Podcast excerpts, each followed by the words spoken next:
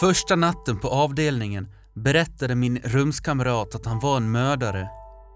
Han hade slagit ihjäl en människa med sina bara händer och därför hamnat här, mer eller mindre. Det var ångesten, sa han utan att kolla mig i ögonen. Enda anledningen till att jag kunde somna efter det, det var att jag hade fått i mig rätt tunga mediciner. Och jag drömde om cellen och om min lägenhet. Det var inte längre bara ängslig paranoia. Det hade verkligen hänt. När jag vaknade dagen därpå var mitt huvud tungt som bly och mitt minne var lika grumligt som korvspa. Jag var slagen och kränkt och jag tänkte minsann inte gå ut och käka frukost med mina medpatienter. Eller var vi egentligen fångar? Vad är skillnaden? Rummet var så pass nedgånget att jag blev orolig för att det kanske fanns löss i väggarna och där utanför hörde jag hur det skramlade från porslin och grytor. En sjuksköterska kom in och kollade mitt blodtryck och jag fick mer medicin. Därefter tvingade hon mig att gå ut från mitt rum och käka åtminstone lite frukost. Och det var med skräck som jag följde med henne ut. Hon visade mig till köket där alla andra missbrukare satt och tryckte i sig statens mat. Det var nämligen det viktigaste av allt här på avdelningen. Näringen, B-vitaminer och stora portioner husmanskost. Och det fanns ingen hejd på deras aptit. En pinsmal heroinist hade en tallrik med åtta ostlimpmackor och han bokstavligen tryckte i sig dem.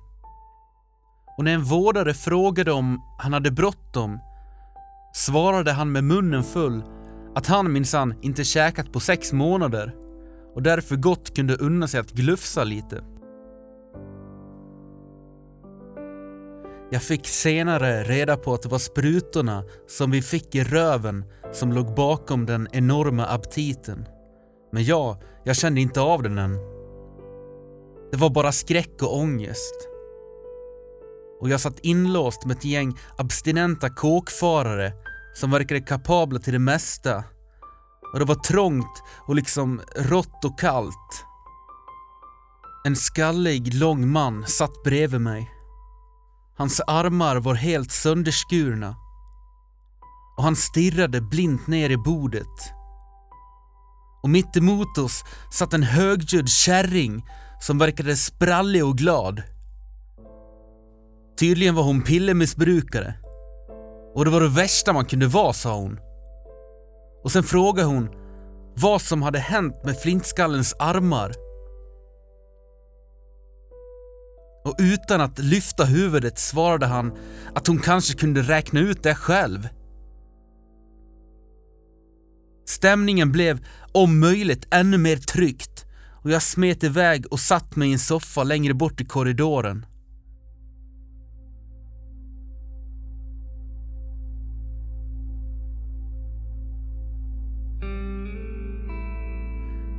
Jag var ingen expert på mediciner ännu. Men jag visste att man borde få benso på torken. Det var ju liksom hela poängen. Varför fick jag ingen Subutex? Var jag för ung? Ja, men då borde jag ju inte hamnat här alls. Men kanske om jag sa att jag knarkade? Då var det ju ändå redan för sent liksom. En pundarkropp är ju redan trasig, så lite mer skit skadar väl inte? Men jag vill inte köra mitt rykte i botten, om jag nu inte redan gjort det. Min lägenhet var trasig, mitt bohag ett minne blott. Grannarna hade ringt polisen och nu satt jag här på avgiftningen och hade en mördare som rumskamrat. Ja, det var minst sagt vidrigt där inne. Humörsvängningar som jag tidigare bara sett på film panik, ångestattacker och vansinnesutbrott hela tiden. Så det kändes som att det var tid att börja ransonera. Som inför en stundande naturkatastrof. För här rådde djungelns lag och jag förstod ganska snabbt att de flesta här inne var rätt duktiga på att manipulera. Man skulle kunna säga att överlevnadsinstinkten kickade in och jag klev in i en helt annan verklighet. Jag funderade på vad som hade hänt. Vad hade fått bägaren att rinna över? Var det något övernaturligt? Hade demonerna till slut tagit över kontrollen? Jag ville att det skulle vara så. Och det hade faktiskt hänt en, eh, en hel del minst sagt konstiga saker på sistone. Min mamma hade till och med sett det. Men min rationella hjärna kunde inte riktigt gå med på det. Det var nog enklare än så. Eller kanske inte.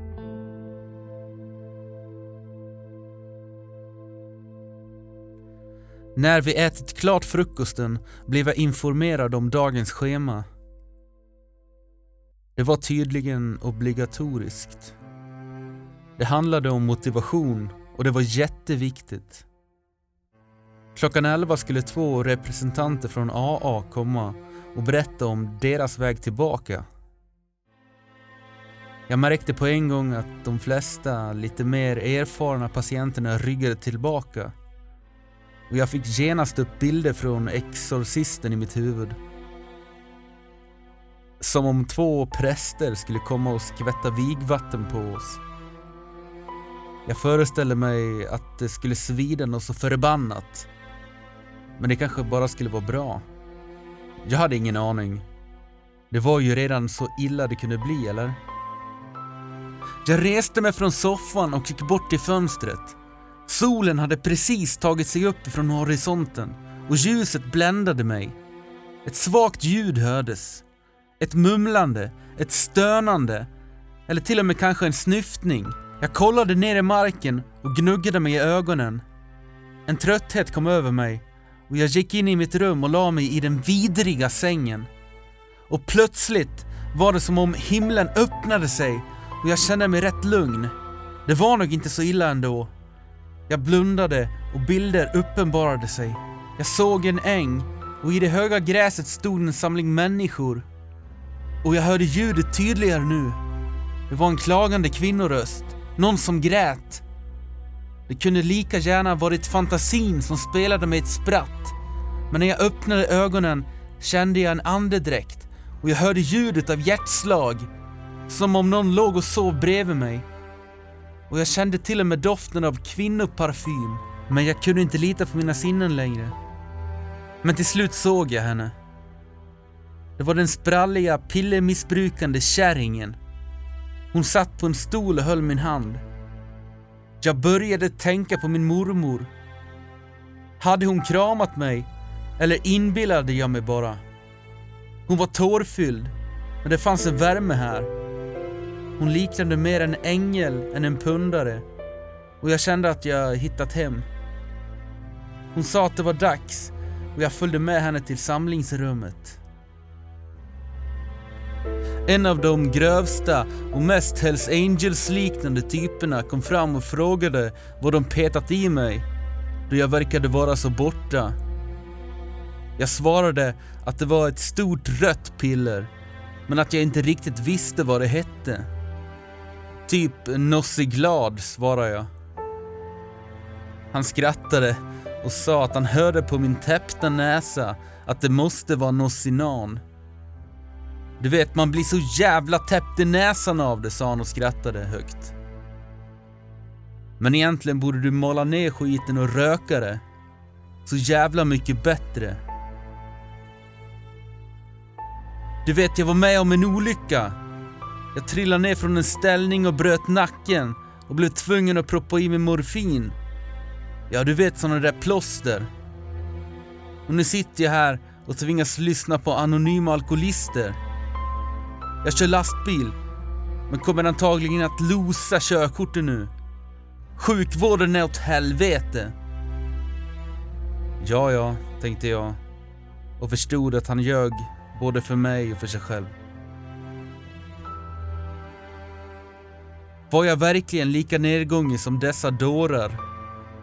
Det var helt otänkbart. Men å andra sidan hade jag planer på att försöka skriva ut mig så fort som möjligt, skita i allt och leta rätt på systemet i Falun. För jag var psykiskt sjuk. Ingen jävla missbrukare. Varför hade jag hamnat här? Hur gick det till?